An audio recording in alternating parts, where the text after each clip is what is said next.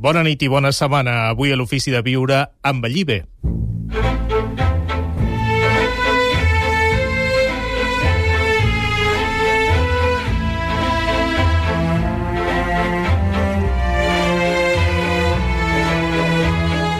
Gaspar Hernández, l'Ofici de Viure.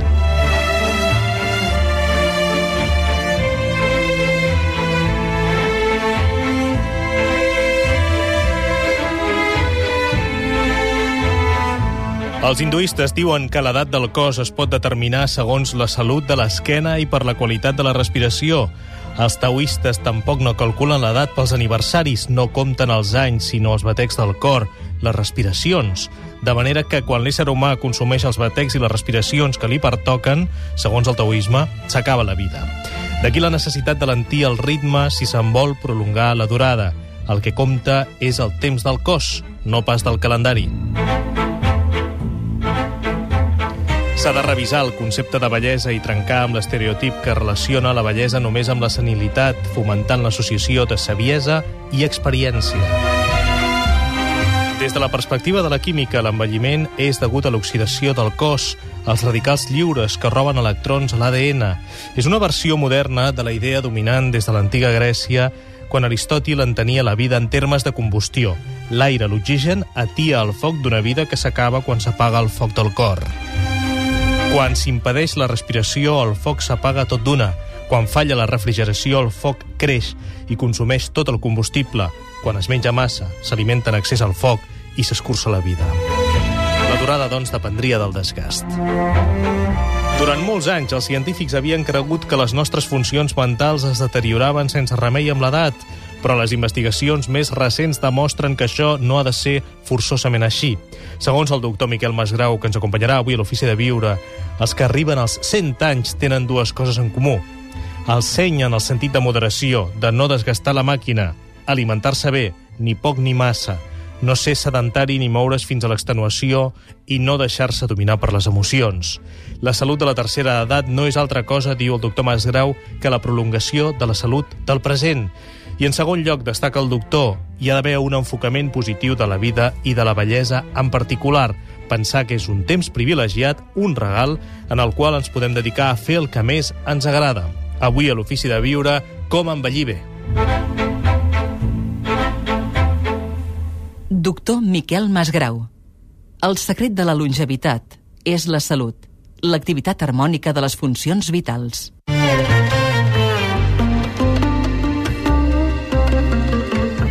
Em dic Victòria Vares i sóc naturòpata. Jo he escrit un llibre que és un programa per regenerar el cos i revitalitzar la ment, amb el qual faig una reflexió sobre el que és el procés d'envelliment. Poso temes sobre la, la taula de com envellir bé, que no tenen que veure només amb el que sempre es diu l'alimentació i els hàbits de vida saludable, que també, que és molt important, sinó algunes, alguns aspectes d'actitud personal i d'actitud mental, el que venim a dir intel·ligència emocional. Per mi, el, la part d'envellir bé mm, suposa, primer de tot, un coneixement molt profund, un coneixement que jo penso que tindria que estar a l'abast de tothom de què significa envellir i com envellem, com, com, com es dona aquest procés d'envelliment, tant amb un home com amb una dona, que són diferents. Com envelleix el, el cos en les seves diferents parts, perquè no es dona tot de cop, sinó que, bueno, doncs, potser ho notem més amb les cames, que tenim varius, o que perdem la memòria, o que no tenim tantes ganes de tenir relacions sexuals, o sigui que el, el, tot l'organisme va envellint d'una manera i amb un ritme diferent per cada persona i també per, doncs, depenent de, de si és home o dona i diferències culturals. I una de les coses que he introduït, a part d'explicar de, com envelleix el cos, i llavors quines serien els hàbits i els nutrients, tant amb l'alimentació natural com amb els complements que estan tan de moda ara, que són coses i hàbits i maneres de pensar que poden fer que l'envelliment sigui un procés molt més lent. Avui, doncs, a l'Ofici de Viola de Catalunya Ràdio, envellir bé. En parlarem amb el doctor Miquel Masgrau, que ens acompanyarà, com sempre, cada primer dilluns de mes, i també en parlarem amb l'antropòloga i professora de Qigong, Isabel Calpe Rufat. Si teniu preguntes concretes, podeu incorporar-vos ara mateix al nostre xat, que obrim ara a catradio.cat barra en directe, i també, com sempre, ens podeu enviar correus electrònics i trucar-nos al 93 201 7474.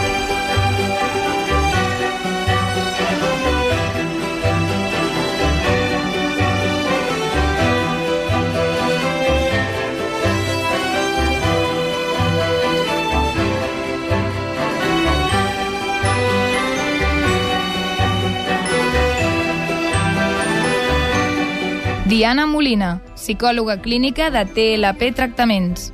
Passem fent diferents etapes al llarg de la nostra vida, no? i una etapa és el, el fet d'envellir, no? Eh, acceptar que, que arribem aquí, acceptar que aquesta etapa suposa perdre poder capacitats, força, agilitat, perdre capacitats i guanyar unes altres, no? I poder eh, entendre que és això i que serà així, no? Crec que és, seria un dels aspectes no? d'envellir bé evidentment, eh, cuidar el cos, no? El cos és superimportant, el cos i la ment estan íntimament relacionats. Si tu eh, cuides la ment, pots estar influint molt, molt favorablement sobre el cos.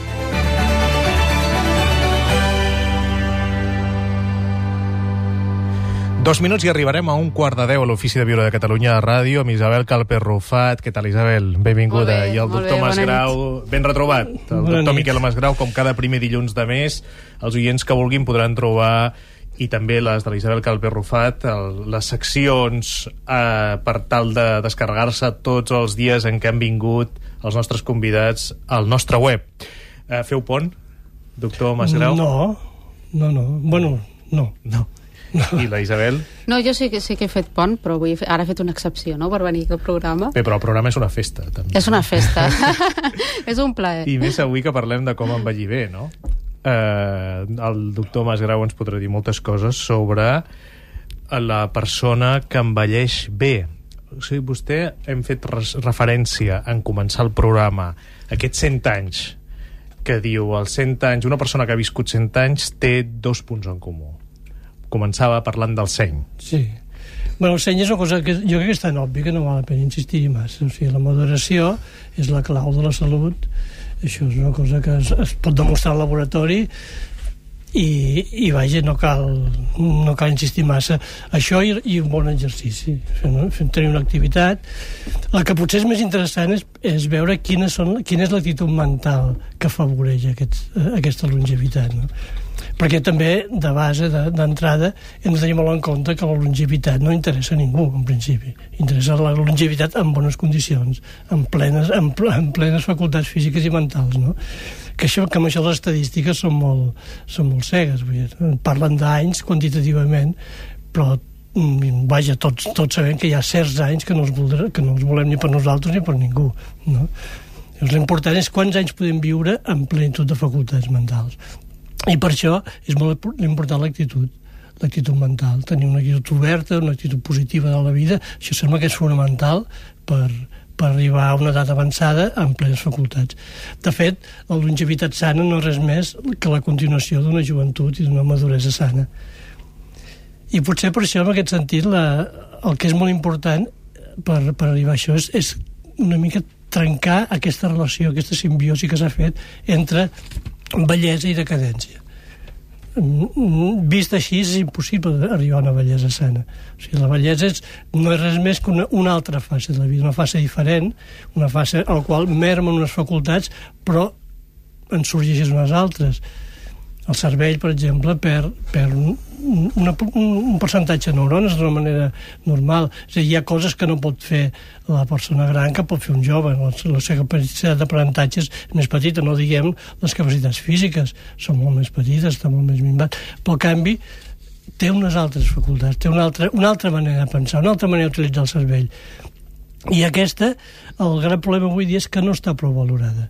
I no està prou valorada avui a la nostra cultura, perquè en totes les societats sempre havia estat la fase de la vida que més, més, més valor havia tingut. Això també ens en podrà fer 5 cèntims la Isabel Carperrufat, Sí. que és antropòloga. Sí, sí, m'agrada molt tot això que diu el Miquel ara, eh, perquè una de les primeres coses que penso que hem de fer és reivindicar el fet de ser vell, no? perquè sempre tothom té tanta por aquesta paraula, no? ser vell que fins i tot utilitzem però expressions horroroses com allò de la tercera edat, eh, no? La, En català també, eh? La nuestros, tercera edat. Sí, La, la, la tercera edat, o els nostres mayores, no? aquestes coses horroroses. Ser vell, però què passa amb la paraula? Ser vell, però si és fantàstic ser vell. I és veritat, en moltes cultures, en moltes societats, eh, ser, ser vell és un valor. Eh, L'ancià és el que té l'experiència, és el que té el saber, i eh, els joves tenen respecte pels ancians. O sigui, hi ha una, una progressió en les edats de la vida eh, i, a, i quan un arriba a, a, a edats eh, doncs, eh, de, de més edat és respectat és, eh, eh, els, els ancians formen part dels, de, del Consell i, són, i prenen decisions no? i els adults eh, segueixen perquè, tenen més, perquè els ancians tenen més experiència no? i poden guiar És que des, des, de la primi, des dels, dels pobles primitius el poder estava en mans dels ancians. Eren ells els que decidien les coses importants. Els joves eren els guerrers, els treballadors, però realment qui tenia la decisió sempre, en última instància, era, era l'ancià.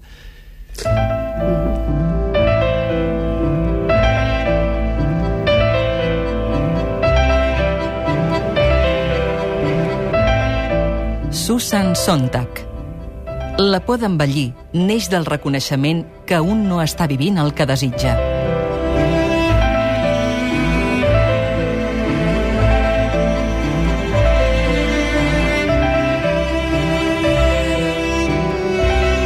Què en penseu d'una societat que no s'adora que envellir pot ser una cosa positiva? eh, és una societat vella, eh? una societat que, que no valora els ancians, és una, ciutat, una, una, una societat, si no vella, fins i tot podríem dir... Decadent. Amb, decadent. Decadent. Eh, I vostè, doctor Masgrau, diu que arriba, en aquesta edat ha arribat el moment de fer les coses que ens agraden. Sí, sí, sí. Bueno, sempre s'han de fer les coses. De fet, si vols arribar bé a vell, has d'haver fet moltes coses que t'han agradat abans, si no, no hi arribes. No tens ànims.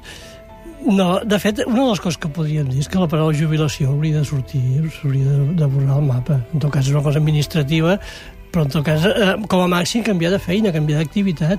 Sí que vol dir això de retirar-se.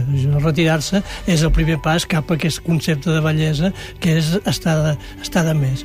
Perquè unes condicions per tenir una bellesa sana és sentir-se útil sentir-se útil, sentir-se respectat, tenir audiència, no? tenir que les persones que, el- que, el- que tens al voltant t'escoltin, com a mínim t'escoltin, no? ja potser que no ho facin cas, però és que avui dia no és això, vull dir, una mica la, hi ha un tal culte a la joventut, tal culte a les coses a curt termini, que, que aviam, pensem que fins fa ben poc el, el, les persones posaven anys. És que és, és, és, fa molt poc que la gent es treu anys. Per què? Perquè la veterania era un grau, la, un qualsevol, a qualsevol feina es començava d'aprenent, eh, es feia oficial i arri, al final arribaves a ser mestre quan dominaves l'ofici. No? I avui dia, mirem el treball, passa exactament al contrari. O sigui, a la que passes d'una d'una mitjana edat, diguem, A prejubilen. ja, ja exacte, i es retira, diu, ja fas nosa, que ja no estàs al dia, no? En els seus nivells elementals, el que fa longeva l'existència d'una persona no difereix gaire del que allarga la vida dels enginys mecànics, diu el doctor Masgrau, perquè l'organisme duri se l'ha de tractar, com a mínim, tan bé com tractem l'automòbil. És bonica aquesta comparança perquè vostè diu, en primer lloc, bé, cal evitar el desgast, com més forcem la màquina, menys dura. Eh? D'això n'ha parlat. Exacte. L'estrès, per tant, i la tensió continuada deterioren l'organisme. Cal tenir-ho clar. En segon lloc, és molt important el manteniment, diu vostè, com el cotxe, també. S'han de canviar les rodes de lloc, protegir el que es desgasta en excés, canviar d'hàbits de tant en tant. Què vol dir amb això de canviar d'hàbits de tant en tant? Bé, l'hàbit, de fet, és un, suposa un desgast. Quan, quan actues d'una determinada manera, com les rodes, no? les rodes els pneumàtics, llavors, si amb, amb una temps potencial fas el canvi, que es desgasti per una altra banda, pots seguir pues, amb uns hàbits diferents, però és, que és evident que si segueixes sempre, fent sempre el mateix dintre les coses poc sanes que acostumem a fer, el, el desgast és molt més ràpid i llavors arriba que punges.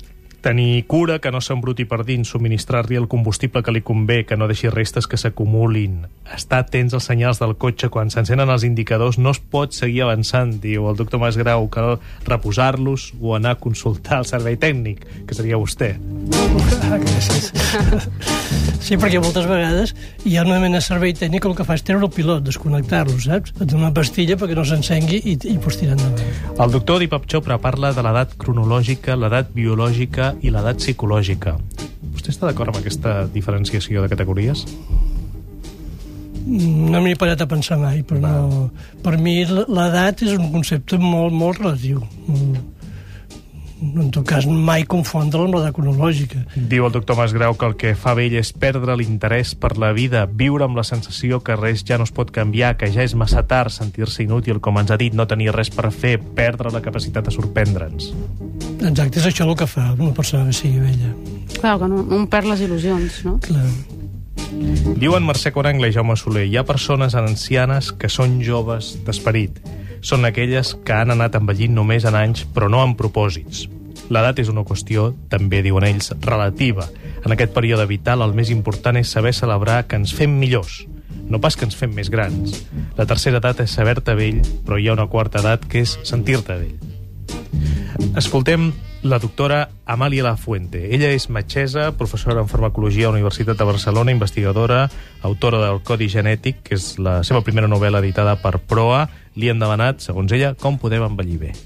Priori hauríem de dir que, que s'ha de diferenciar entre un enve- envelliment fisiològic que és mm, inexorable eh, i, que afecta, i que afecta a tothom i que en principi no es pot considerar una malaltia encara que hi hagin canvis fisiològics molt marcats com tot són, per exemple, tots els canvis associats a la menopausa o la pèrdua de la, de la funció del ronyó i del fetge.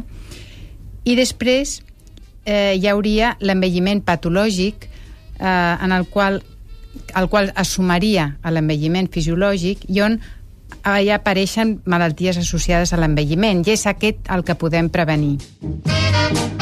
Com ho podem prevenir? Pues, mm, amb estils de vida saludable, menjant d'una forma equilibrada, eh, fent exercici físic de forma regular, evitant hàbits tòxics com el tabac, l'alcohol, en fi, tota la sèrie de, de recomanacions eh, que, habitualment, que habitualment es fan. És l'edat psicològica, que aquí sí que tenim una gran variabilitat i, de, i que depèn molt de, de cada persona. Ens, tro ens podem trobar amb gent gran doncs, que té eh, que manté una capacitat molt gran d'adaptar-se a l'entorn, que és, diríem que és la característica més important en quant a, a que defineix la joventut psicològica i que doncs, eh, és capaç d'il·lusionar-se, d'embrancar-se en projectes i en canvi eh, joves al revés, joves vells sense cap il·lusió, eh, apàtics eh, mm, és a dir que, que, que ens podem trobar en situacions mm, tan oposades com, com aquestes.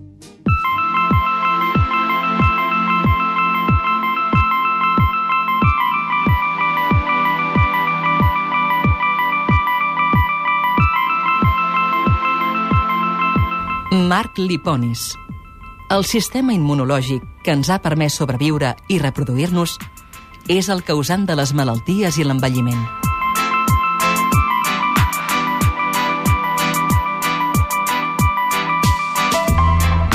En Pol d'Igualada diu el nostre xat de l'ofici de viure, doncs bé, viure disfrutant el present. Eh? Si volem envellir bé, disfrutant el present, recordant el passat sense tema al futur.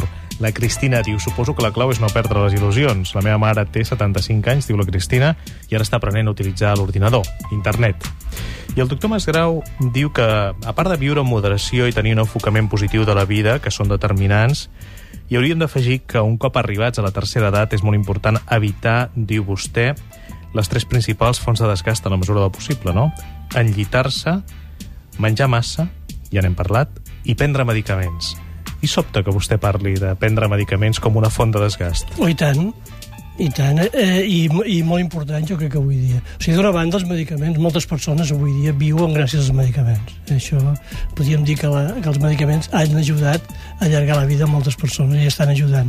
Però, per altra banda, també es pot dir el contrari. O sigui que moltes altres, que l'abús de medicaments, que el prendre medicaments de manera innecessària, com s'està fent avui dia, el que fa és escurçar la, la vida. I això per una raó molt senzilla, perquè el, el cos humà a mesura que es va envellint, eh, es va deteriorant els sistemes d'eliminació. Llavors, és molt fàcilment aquests medicaments s'acumulen dintre, dintre un cos que, per altra banda, quan, a mesura que fas gran, la patologia cada vegada evoluciona més lentament. I aleshores, per altra banda, quan comença a tenir efectes secundaris, si, si una persona jove té un efecte secundari, ràpidament se li veu, i això deu ser aquest medicament que has pres, perquè no és normal que es diguis perdre la memòria, tu has dit 30 anys. Però, en canvi, si en tens 60 o 70, con aquests deterioraments, que també són més suaus, s'atribueixen a la pròpia edat amb la qual normalment el que aconsegueix és un altre medicament per pal·liar l'efecte secundari no, no identificat d'un. I així et trobes que quantitat i quantitat de persones eh, que a mesura que es van fer gran van prenent cada vegada més medicaments. I això és un desgast, un desgast molt, molt important. Et puc dir una anècdota, és que me'n recordo un dia amb una, a Villa García de Rosa, eh, clar, que, és, que has de fer a Villa García, anar a fer una mariscada, no? pues, bueno, a la taula al costat hi havia jo que sé, potser amb les 12 persones per sobre els 70 anys, ben passats, que es menjava una mariscada, allò que se t'anava als ulls. Eh, devien ser clients del local, no? I, bueno, i el Ribeiro amunt, Ribeiro avall, i quan, quan acaben, eh, amb l'orujo, n'hi ha un que s'aixeca y diu, la muerte llega por dos cosas ciertas, porque te tocó la hora o porque te tocó el médico. Tots allà rient. I vostè va dir que era metge? No, no, us escoltava atentament. Ah, després va saber greu, no sabeu greu no, no haver anat a parlar amb ells, perquè jo crec que tenia una experiència molt clara. Però normalment penses al contrari, penses, no, les persones que estan delicades no poden anar a menjar allò, i llavors és un... penses que lo delicat és el començament. Però la seva experiència, les persones del poble que es coneixen bé, el que comença a queixar-se, que comença a privar-se de coses, que comença a, entra en una roda, comença a prendre medicaments, comença a tenir efectes secundaris, i al cap de poc temps ja està desenganxat d'aquella taula i aquests són els supervivents. Potser sí que viuran una mica menys que els altres, però segur que se passarà molt millor. Recomanació, per tant, menjar bones mariscades. No, tampoc és així. Sí, home, sí. Sempre i quan les puguem pagar. Exacte. No, el que, es pot, el que s'ha de fer és no fer, no fer excessos. Aquestes persones ho tenien molt integrat, suposo, dintre la seva vida. Aquí seria pues, anar a fer un dinar de, jo què sé, una, una costellada, no? Seria l'equivalent aquí, no? però la tradició, el fer-ho amb alegria, fer-ho amb, aquell, amb, amb aquella mentalitat, això sí que és el que ajuda a viure. Isabel, què vol afegir? Sí, eh, no, que, que afegir doncs, que el doctor Mas Grau, de tota manera, cal dir que és un doctor especial, perquè, clar, vull dir, la seva... Eh, ell eh, aplica una medicina eh, que té uns principis, doncs, d'incentivar el cos a recuperar els seus processos per si mateix, no? que és els principis de la medicina xinesa, no? Mm. I pensem que els xinesos, a més a més, han estat, doncs, els grans savis han desenvolupat des de segles i segles tècniques, justament, per adquirir la longevitat i endarrerir l'envelliment, no? Tècniques de tot tipus, tècniques posturals, tècniques sexuals, tècniques respiratòries, tècniques de meditació, per endarrerir l'envelliment. Eh? I aleshores, doncs, això, eh, 120 anys, deien els taoistes, és morir jove. Eh? 120 anys és morir jove. I aleshores, doncs, eh, al principi era alimentar el principi vital, el, el chi, l'energia, no? O sigui, no perdre aquesta energia que tenim, eh, i intentar potenciar-la, no? I per això hi ha tècniques, també. Vull dir que també eh, perquè moltes vegades, per exemple, quan parlem d'exercici físic, eh, pensem en formes d'exercici físic molt occidentals, com per exemple el footing. El footing pot desgastar molt, pot fins i tot accelerar l'envelliment. Eh? Llavors, hi ha formes i formes d'exercicis. No? Hi ha exercicis que, que, que, que, que, et poden desgastar a nivell muscular, hi ha exercicis que et poden potenciar justament l'energia interna, que no desgasta l'energia, sinó que la potencia.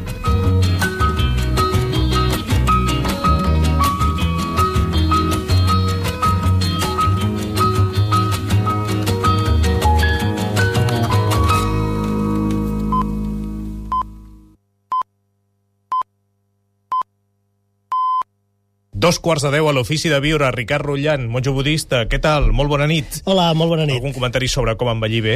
Doncs sí, realment nosaltres hem de ser molt curosos amb la nostra vida, de fet, de sempre, no? I hem d'entendre que el cos és uh, transitori, no és res permanent, i llavors hem de ser molt curosos en el sentit de que compleixi eh, diguem-ne, el seu procés. Quan arribem a una certa edat, com a, per exemple la medicina tibetana, es diu que et comences a envellir a partir dels 70 anys. La seguretat... Sí que és optimista, no?, la medicina Sí. tibetana. Sí, sí, no, no, perquè en realitat fins aquí arribes a tenir un procés encara regeneratiu, no? Cap als 70 ja el procés regeneratiu ja és una mica més costós, més dificultós, no? Llavors es nota bastant més. I llavors és que a partir d'aquest moment que has d'assumir-ho d'una forma eh, present. Present en el sentit de que si tu has viscut una vida plena, eh, òbviament doncs no tindràs mm, por a envellir-te, ho sentiràs com un procés més del teu cos i a més a més tens una oportunitat de saber que tot allò que has fet durant la teva vida tindrà conseqüències en el futur positiu.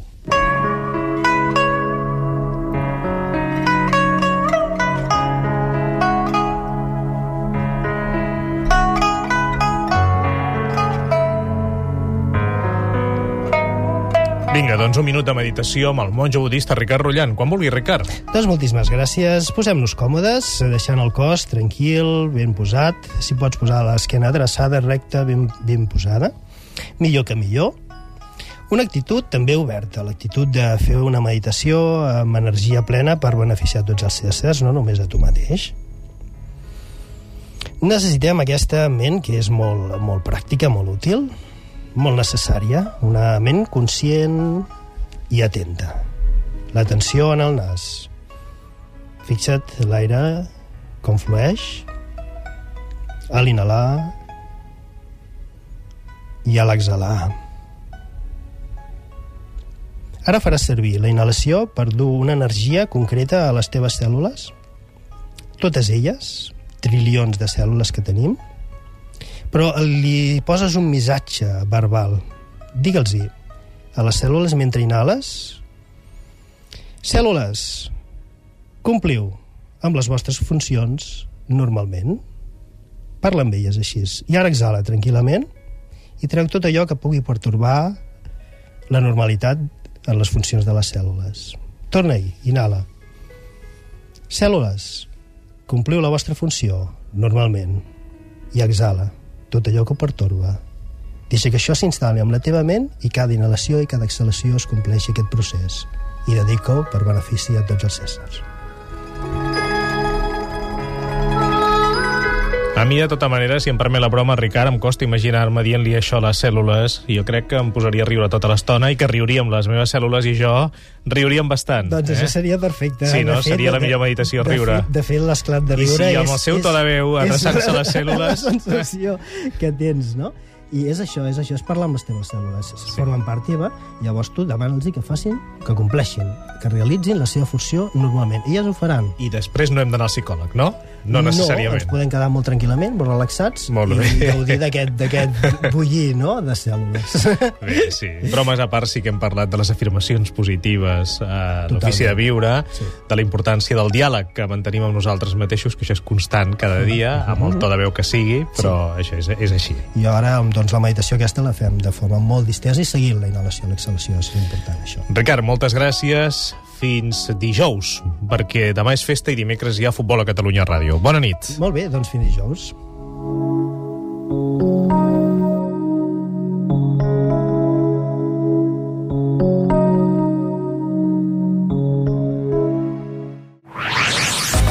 Ara mateix pots entrar a l'espai interactiu de Catalunya Ràdio catradio.cat barra en directe. En directe. per expressar-te, per donar la teva opinió o ampliar informació sobre els temes que estem tractant a l'Ofici de Viure, Connecta't a catradio.cat barra en directe. En directe. la ràdio amb valor afegit.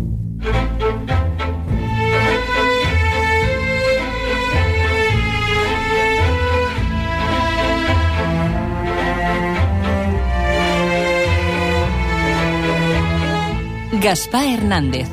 L'ofici de viure.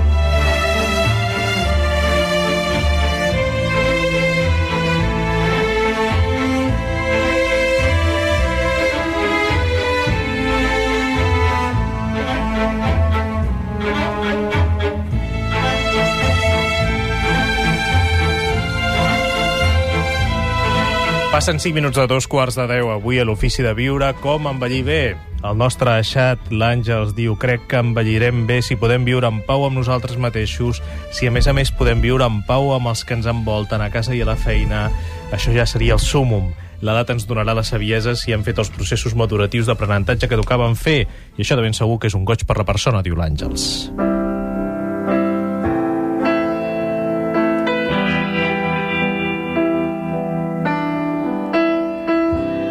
Proverbi japonès. Només en l'activitat desitjaràs viure 100 anys. Parlant dels 100 anys, ens ha dut una fotografia molt bonica la Isabel Galper Rufat. De, de qui és aquest senyor? Shu, Shu Lun, eh, perdó, Shu Yun, que és Nubes de Vacuïdat, és un gran mestre d'un llinatge budista Chen. I en aquesta fotografia quants anys tenia? 40 o 30? No, no, en aquesta fotografia tenia 117 anys. 117 anys. Va ser presa l'any 55, i és una fotografia que em va donar a mi la meva mestra xinesa perquè ell eh, va ser el mestre de la mestra de la meva mestra i va morir als 128 anys. Com s'ho va fer? Doncs ho va fer vivint una vida amb harmonia, eh, com diuen els xinesos, amb harmonia amb el Dao, eh, treballant sobre, com diuen els budistes, sobre la vacuïtat, que vol dir doncs, una ment tranquil·la, no? amb un cos tranquil, eh, amb harmonia, amb el fluir de totes les coses i eh, amb, eh, per no complicar-ho gaire pels oients, diguéssim, treballant sobre el que es diu la transparència dels teixits, no? dels teixits corporals, no sé, el més transparent possible. No ho acabo d'entendre. Eh, és, és tota l'essència del treball eh, corporal i espiritual, no? Significa eh, un treball en el que ens anem harmonitzant, anem harmonitzant el nostre esperit amb la nostra ment i el nostre cos. No? Uh -huh. Llavors aquest treball de meditació, aquest treball corporal, ens permet anar fent, tenint un cos cada vegada més, menys, eh, amb menys violència, amb menys toxines i anar fent tot aquest treball de l'alquímia de l'energia interna, eh? transmutar les pulsions amb consciència.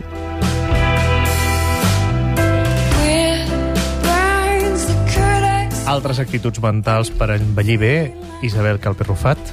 Bé, jo crec que, eh, ho comentava abans, eh, jo crec que és important a la vida arriscar, eh, exercir el poder personal que tots tenim, no? És a dir, primer, saber qui som, eh, esbrinar qui som, no, no tenir por eh, de dir, eh, de, de fer el que creiem, de, de dir el que pensem i, eh, i de portar aquestes, eh, els nostres les, els nostres desitjos a la realitat. Saber discernir el que són els nostres desitjos i els que ens venen imposats de fora i després saber realitzar els nostres somni, somnis, eh? o sigui, eh, actuar, no? actuar en la vida, arriscar i eh, no, tenir, no tenir por. Jo penso que això és una, és una cosa molt important. Tenir un punt de rebel·lió, no? un, punt, un punt de rebeldia.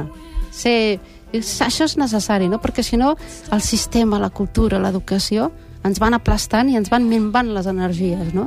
Llavors hem d'estar una mica com alerta, una mica atents, no de dir, no, jo sento això, doncs ho expresso. Penso això, ho dic. Necessito fer aquest somni, ho realitzo. Però el que implica, el que estàs dient, és que tot el que fem, tot, tot, o sigui, la manera que tenim d'enfocar la medicina és molt per temor o sigui, per evitar factors de risc, per por a la hipertensió, per por al colesterol, per por al no sé què. Llavors estem actuant Clar. contra, contra la, aquest, aquest desig de, de Clar, perquè llavors, supervivència. Davant d'això, davant d'aquesta por, l'únic que queda és com una espècie de guia de supervivència, sí. on hauríem de seguir doncs, aquests exercicis, aquests tal, tot això, tot això, per no caure malalts. Tot en, negat, tot en negatiu. No? Però clar, el que hem de fer és, és exercir aquest poder personal que tots tenim. No? Els daoistes dirien seguir el curs del Dao, no? en la seva expressió. Exacte. Però simplement ser nosaltres mateixos i arriscar. I no tenir por a morir, en definitiva. No tenim por. Les persones, les persones que arriben a, a grans que no tenen por morir. Quantes frases, eh, que s'estan dient en aquest programa. N'estic prenent nota, eh? Són com aforismes. No, però que, que, que és cert. Avui, com envellir bé, a l'Ofici de Viure, d'aquí a 5 minuts arribarem a 3 quarts de 10. I, d'altra banda, recordar que clar, tot això es pot traslladar, tot el que ens comentava d'actituds de l'Isabel Calperrufat es pot traslladar a l'àmbit físic, no? No ser el que som, per exemple, o com som, és evident que eh, enrigideix el nostre cos, no? Exacte. O sigui, acumular frustració, acumular ràbia, malament per la Clar. salut. Eh? Home, hi havia una altra, una altra... De fet, els xinesos tenen molta tradició de buscar... el- I, i, i de longèvols, de fet és proverbial la longevitat dels xinesos. Hi havia un, un que, té, que és el que ha arribat amb fama d'haver viscut més anys, tants que pràcticament no, no, no s'ho creu ningú. Aquest senyor va morir l'any 1933 i tothom deia que era aquest senyor de la foto, que tant semblava que tingués 50 anys i tenia els seus cabells, les seves dents, ho tenia tot, tot a lloc, i el cap molt clar, però havia nascut a 17, 1677, o sigui, va viure 256 anys, no? Es va casar 24 vegades. Tenia, clar, havia fet una escola de, de centenaris, i tenia alumnes centenaris, o sigui que molts anys devia tenir, potser no tants, però molts anys devia tenir. El més sorprenent és que casant-se 24 vegades visqués tants anys. Eh? Exacte, sí. s'ho devia portar molt bé, devia saber tractar molt bé amb la Ai, senyora. aquest tenia molta sabidoria. Exacte. I ell tenia tres receptes per a la longevitat, deia. Primer, prendre-s'ho tot amb molta calma. Deia, romandre com una tortuga, caminar com un ocellet i dormir com un gos. Després, compta amb les emocions. No, no, no deixar-se endur per, per les emocions de cap de les maneres. No? I després l'exercici. L'exercici físic que ha de ser un exercici moderat i constant i sempre el mateix. Això és una cosa que, que tothom insisteix molt i, de fet, tots els centenaris tenen una mica aquest, aquest patró. Són persones molt tranquil·les, molt obertes mentalment, que han tingut una, una vida bastant dura, que han menjat poc, han passat bastantes privacions normalment, i, i que tenen, segueixen tenint a edats molt avançades, però als 100 anys segueixen tenint una, una activitat física. Recordar pel que fa a les emocions que bé, diu el doctor Masgrau que són el que són, mecanismes de resposta automàtica eh? Clar. i que el que cal és deixar-les passar. No, no reprimir-les tampoc, però tampoc recrear-nos-hi. No, però les emocions, tant les negatives com les positives, eh? No sé si us he fixat, però jo, jo això ho tinc ja fa anys que ho estic mirant. Aquests centenaris que celebren, persones que de, eh, molts, molts es moren després del, del, de l'aniversari, o sigui, de, de, de la festa que se li fa i tot. No us hi he fixat? El diari ho posa moltes vegades. Sí, sí, és, és de, les emocions ni alegres ni, ni tristes, o sigui, simplement perquè la gran gràcia de la, de la bellesa és aquest de, desarraigament, no? aquest, aquest, aquest desapego que diuen, no? Aquest des, aquesta desafecció. No? I això és, això és el que s'ha de cultivar i és el valor màxim de la bellesa, per si alguna cosa t'ha d'interessar el que pot dir una persona gran, és precisament perquè ja no està enganxat a res. Des de Terrassa, Vero diu, treballo en una residència de gent gran donant classes de ioga, Mm, diu que són exercicis que ajuden la persona a estar bé amb ella mateixa, a tenir confiança, no perdre aquesta il·lusió, i diu la Vero, veure que a poc a poc vas despertant aquesta motivació és realment molt satisfactori, un gran regal, poder, poder donar eines encara que siguin grans. Des de Tiana ens diu un oient molt bona recomanació la del no abús dels medicaments, mirar de substituir-los per complements nutricionals. Està d'acord el doctor Masgrau? Bueno, jo suprimia per alegria i ganes de viure i bons aliments. Don't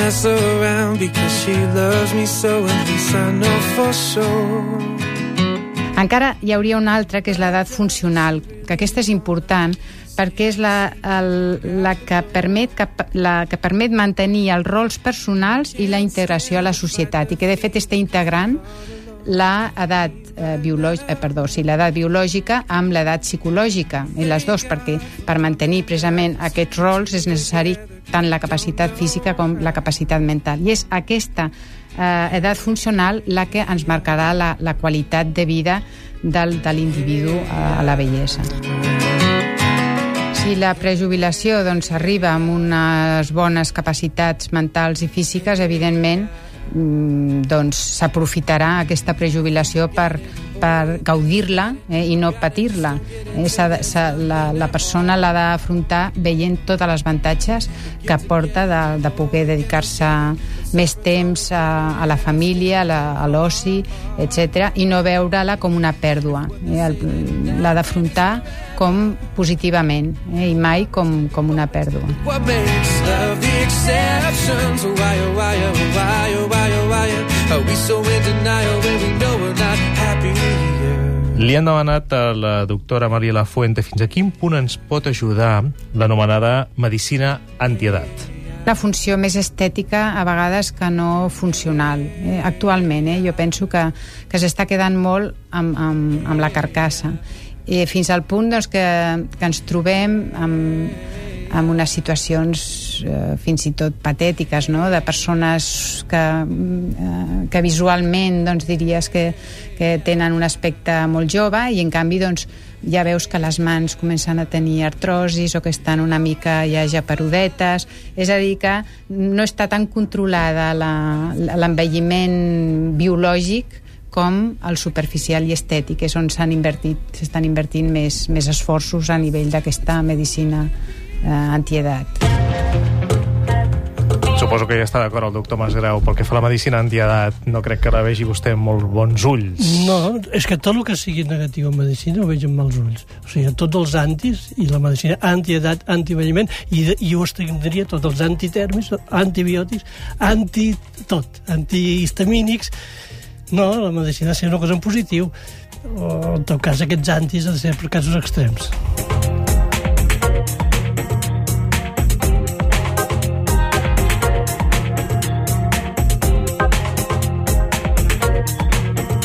Li han demanat a la metgessa Amàlia Lafuente, autora de la novel·la Codi genètic, per què hi ha persones que arriben als 100 anys. Et trobes amb persones centenàries que tenen sobrepès o que fumen. Aleshores, això vol dir que, evidentment, hi ha la genètica que, que, que marca molt i que té molt de pes. Eh? Aleshores, doncs, hi ha aquests, aquests gens que he comentat. Hi ha gens relacionats també doncs, amb l'aspecte exterior, no? amb, amb, amb, amb la qualitat de la pell, amb la, amb la, la resistència doncs, a fer les, les arrugues, eh? Eh, que sobretot semblen relacionades amb, amb la capacitat de reparació eh, que té la pell eh, davant d'agressions com, per exemple, els ultravioletes. Pel que fa als gens, doctor Masgrau, algun comentari? Sí, eh, una mica la vida, la, la llargada de la vida humana és una mica com una fletxa, no? que, que es llença amb una, amb una força similar una persona a l'altra, i de fet va, va tirant bé, i en condicions normals doncs, totes tenen la seva pròpia llargària. Però avui dia la, la cosa està molt espessa, diguem, no? Hi ha molt, molts, molts obstacles pel camí, és com si tinguéssim una fletxa al mig del bosc, no? I aleshores la llargada no depèn tant de la força en què la tires, sinó de la sort que tens o de l'habilitat que hagis pogut tenir per no tocar cap tronc, no, no enganxar-te en cap branc, i, i, i aquests, aquests són els que arriben lluny. Arriba en Jordi Llavina. Què tal, Jordi? Hola, bona nit. Mira, escolta, avui estem parlant de com envellir bé i he Sí. pensat que t'agradaria escoltar un track del CD de la Marató de TV3 i Catalunya Ràdio, aquest any dedicada a les malalties minoritàries i dedicarem un programa monogràfic divendres a l'Ofici de Viure a l'actitud psicològica davant les malalties minoritàries. I mira, són els Cirex, els Diablos, els. Mustang, els Salvajes...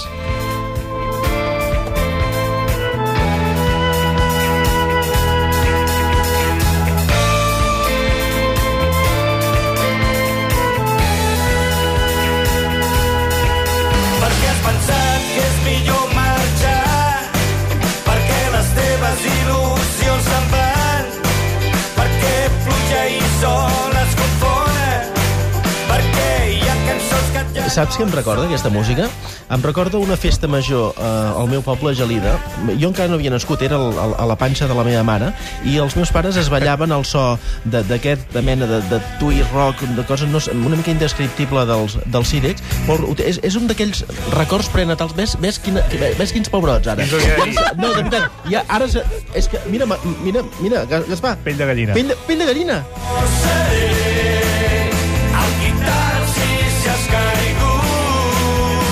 Sents sol i tot va a poc a poc creus que la vida és tan freda És una pregunta pels nostres especialistes. Sí, Jordi. perquè si no la faig jo segurament tu no la faràs. Uh, No, Tomàs Grau. No, uh, jo sempre he sospitat que d'alguna manera uh, una vida sexual més o menys activa té a veure també amb la longevitat. No sé si és veritat o no. És a dir, um, com més d'allò, més, més anys o no? Mm, No ben bé. No ben bé. No ben bé. És una mica al contrari. És, una mica, sí, és un gran desgast, és un gran desgast. Ostres. Sobretot, és a dir, l'ejaculació, en principi, és una pèrdua de vitalitat important. Sí? Això és Per així, I si els orientals ho tenen molt clar de no- intentar mm, mm, re reaccionar, diguem, l'ejaculació. O sigui, hem de tantri- tantrificar, o com dic jo, cronificar el producte interior brut. Controlar l'ejaculació, què vol dir, el cap arrufat? Bé, que és, és veritat, és veritat que eh, els, eh, els taoistes doncs, pensaven o pensen doncs, que la pèrdua del semen, com el semen és energia vital, doncs eh, va en contra, va a favor de l'envelliment, no? Llavors, el, el, aquest semen, aquesta energia vital, que és l'energia sexual, eh, el principi és que s'ha de preservar, si no, o sigui, s'ha de preservar, no s'ha de desgastar, no? I les tècniques que comentava abans, eh, que, havien, que s'han inventat doncs, per eh, afavorir eh, la longevitat van en aquest sentit, no? de preservar al màxim que, es, que sigui possible. Per això les pràctiques corporals eh, tenien com a finalitat ensenyar ja als nens, des de l'edat púber, des dels 9 als 14 anys, quan anaven als temples, estic parlant de l'antiga Xina, de la Xina tradicional, a conservar aquest semen. No? A mi no em mireu, que mira quin cutis que tinc. Jo soc, amb això soc molt preservatiu. Has tard, eh, per això, Jordi, Vale. perquè parlava dels 9 anys. No, però 42 anys, bé. Encara, encara hi som a temps. 41 anys, sí. Moltes de gràcies. D'aquí uns instants arriba en Jordi Llavina amb els emails d'amor. Moltes gràcies, Isabel Calverrofat. Doctor Masgrau, bona nit. Bona nit. Ah, volia recomanar pel·lícules, la Isabel. Ah, sí, eh, molt ràpidament, pels nostres oients. No? Dues o tres pel·lícules que tenen molt a veure amb el tema que hem, que hem parlat avui. Vivir, de Kira Kurosawa, un home que s'assabenta que té un càncer i reprèn o sigui, la seva il·lusió de viure a partir d'aquest moment. Eh, Elsa i Fred, una pel·lícula d'un argentí, eh, Carnavale, eh, de dos eh, persones ja grans, però que s'enamoren. Eh? Llavors, com reprenen, eh, s'arrisquen no? i van més enllà de la seva por eh, i passen un moment feliç de les seves vides. I un llibre que es diu Les ancianes, eh, que, ens, que ens ensenya com en una societat molt difícil, eh, la societat esquimal, dues ancianes que són abandonades per la tribu perquè ja són ancianes, eh, aconsegueixen sobreviure en unes circumstàncies terribles i, per tant, doncs, eh, demostrar la seva saviesa.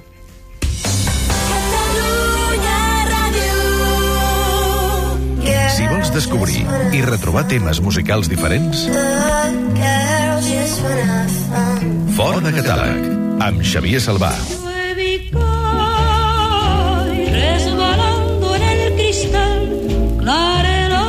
Aquest dimarts, de 10 a 11 de la nit, fora de catàleg, el Club de la Bona Música a Catalunya Ràdio. Amb Xavier Salvà.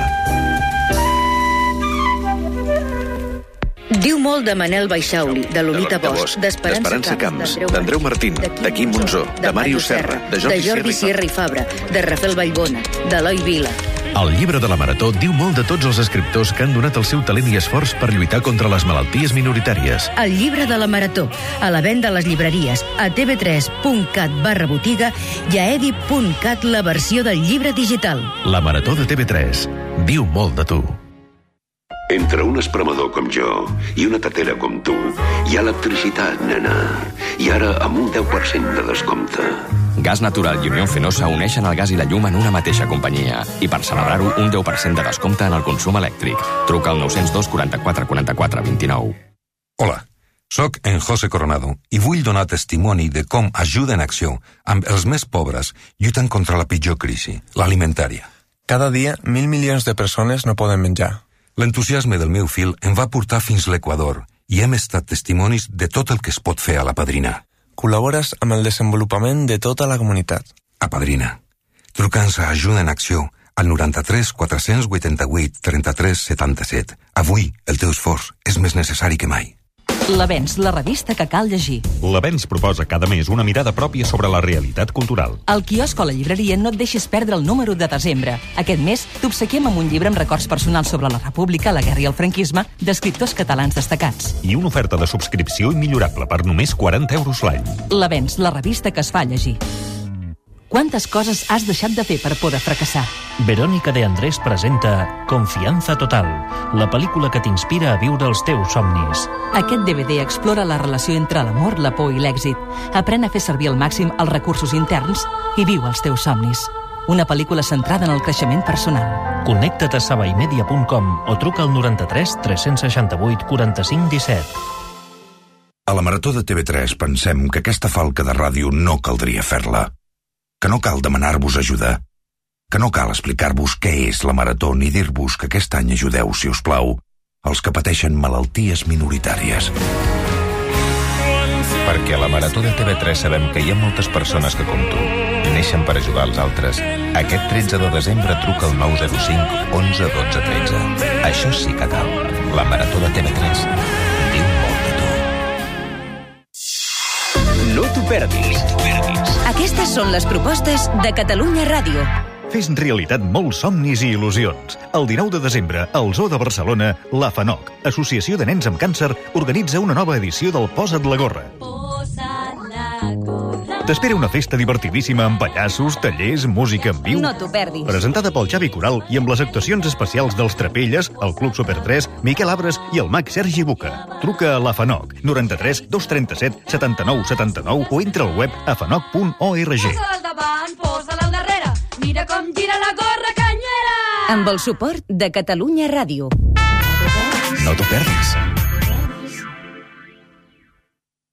Al Club de la Mitjanit entreguem el trofeu Cubal al millor gol de l'any. El gol de xilena que no es trenca la columna vertebral. Per què? Perquè és el més difícil de fer. Al Club de la Mitjanit consultem especialistes d'arreu del món i tenim el millor jurat. Mira, si l'encertes tu avui, segur que hi haurà tongo. Ja Al Club de la Mitjanit ens encanten els gols. Uh, xilena, una rematada acrobàtica especial perquè és una central al segon pal. Els dilluns i els dijous, el gol Cubala al Club de la Mitjanit. Guanyaré segur. El Club de la Mitjanit. De dilluns a divendres de 12 a dos quarts de dues de la matinada. Amb Pere Escobar. No t'ho perdis. No t'ho perdis. Catalunya Ràdio. L'ofici de viure. Jordi Llavina, endavant. Tinc 45 anys, sóc casada fa quasi 18 anys, tinc dos fills meravellosos. Des de fa més o menys un any i mig ja no tinc relacions sexuals amb el meu marit. Bé, millor dit, cap mena de relació. Ell no s'immuta per res fora del futbol o alguna cosa que sigui del seu interès. Coneixent-lo bé, sé que no té cap rotllo amorós extramatrimonial. He intentat parlar amb ell, però és una batalla perduda. Es nega el diàleg. Quan li, no li convé alguna cosa, amaga el cap. Sé que està acostumat a reprimir-se, sempre haig de prendre la iniciativa per absolutament tot. Si fos per ell, estaria tot el cap de setmana només fent la migdiada. És trist dir que tens parella quan en realitat no en tens. Ja he passat totes les fases, esperar que canvi, tenir paciència, plorar... La veritat és que resulta difícil plantejar-se una separació per les conseqüències o seqüeles que això podria deixar, hipoteca, despeses, però no m'aferraré a les coses materials si haig de trobar la felicitat d'una altra manera. Penso que no hi ha res definitiu en aquest món, tot canvia i això pot aplicar-se tant a les persones com a les situacions que vivim. Què puc fer? Moltes gràcies. Què pot fer Jordi Llavina? D'entrada, pel tot el que he llegit en aquest correu electrònic, em sembla que hi ha una difícil solució en aquesta relació. Eh, no hi ha relació íntima, no hi ha diàleg. Aquesta diferència de temperament, que de vegades al començament d'una relació serveix per afermar-la, per, per fer-la una mica més sòlida, aquí eh, juga en contra de voler tornar a reunificar, de voler tornar a eh, homogeneitzar tot això. No? La meva pregunta seria, l'únic que t'uneix a ell són, com escrius, les conseqüències o seqüeles que pogués deixar, hipoteca, despeses, etc. Si això és l'únic que et fa quedar-te encara al seu costat, és evident que hauries de poder permetre canviar aquesta situació. Ara mateix no saps si trobaràs la felicitat d'una altra manera, però el que sí que tens segur, i així ens ho has transmès amb l'esperit d'aquest correu electrònic, és que al seu costat eh, aquesta felicitat no, no arribarà. Mm? Una vegada vaig llegir una frase que em va impactar, diu, des del moment que un pensa que pot separar-se de la seva parella, en realitat ja se n'està separant. I diu, Joe dispensa que les nostres intencions ens creen el destí.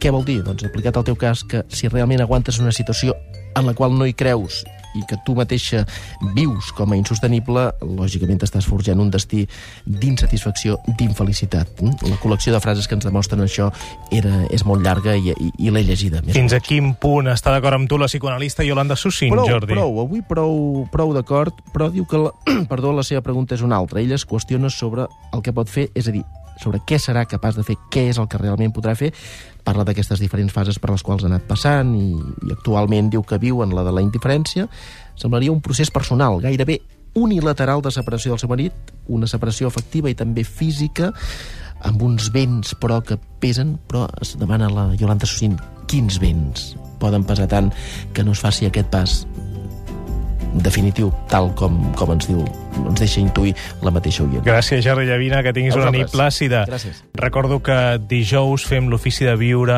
en públic a l'estudi de Catalunya Ràdio. Que tingueu una nit Què, voldràs, què voldràs que em posi de, de roba? Home, perquè la, la campà i totes les amigues em, vaig de posar bé. No de vols fer un striptease, No, Jordi? no, no, però alguna Perquè cosa arreglada. Bueno, ja m'ho diràs. M'enviem un mail a veure què em poso. Perquè... Bona nit. Als oients també, moltes gràcies.